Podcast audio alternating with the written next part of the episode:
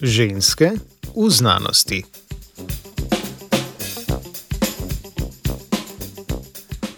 Današnji znanstveni Britov začenjamo malo bolj kritično. Posvetili se bomo namreč raziskavi objavljeni v reviji Nature Communications, pri kateri je znanstvena skupina z Univerze New York v Abu Dhabiju raziskovala, kako kvaliteta mentorstva vpliva na nadaljni uspeh mentoriranca ali mentoriranke. Pri tem so prišli do zaključka, da ima spol mentorjev in vajencev močan vpliv na kvaliteto mentorstva.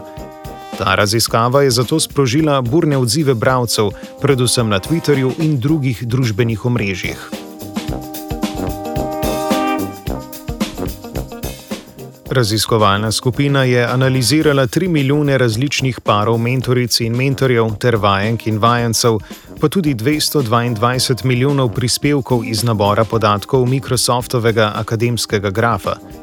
To je graf, ki vsebuje zapise o znanstvenih publikacijah ter mreže citiranja člankov v povezavi z njihovimi avtorji, ustanovami, revijami in študijskimi področji.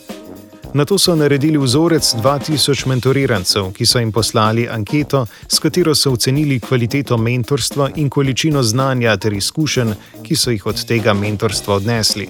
Dobili so 167 odgovorov na anketo in te podatke analizirali. Raziskovalna skupina mentorstvo definira kot dejavnost nudenja pomoči in nasvetov mlajšemu in manj izkušenemu človeku v določenem obdobju.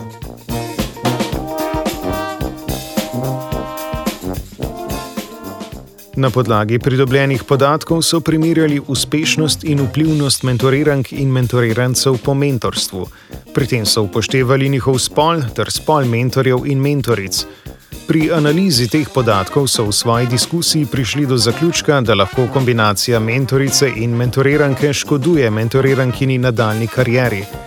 Od mentorstva naj bi namreč po presoji raziskovalne skupine odnesla veliko manj, kot bi lahko od enako kvalificiranega mentorja. Poleg tega pa so prišli še do zaključka, da bo imela tudi mentorica veliko več intelektualne koristi, če bo mentorirala mentoriranca in ne mentoriranke.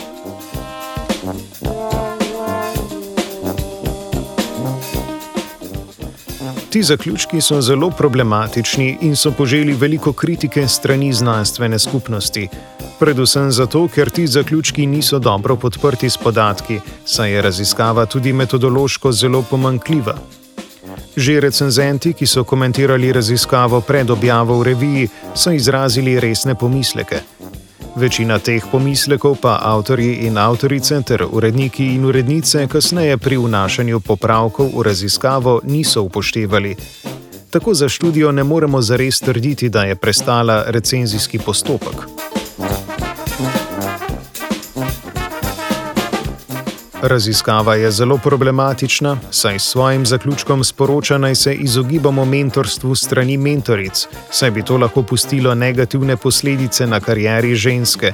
Zaključek raziskave pa je v bistvu le neko mnenje, do katerega je prišla raziskovalna skupina pri komentiranju podatkov. Sporočilo tako predstavlja zgolj nespoštovanje truda in prispevkov znanstvenic k znanstveni skupnosti, kar ima lahko zelo hude negativne posledice.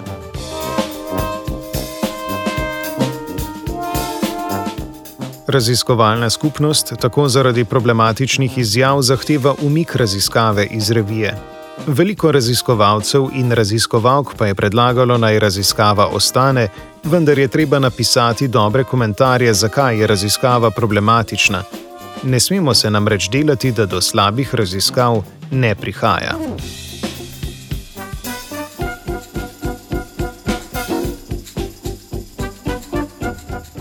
Svojemu novemu vajencu v znanstveni redakciji bo supermentorica Iza.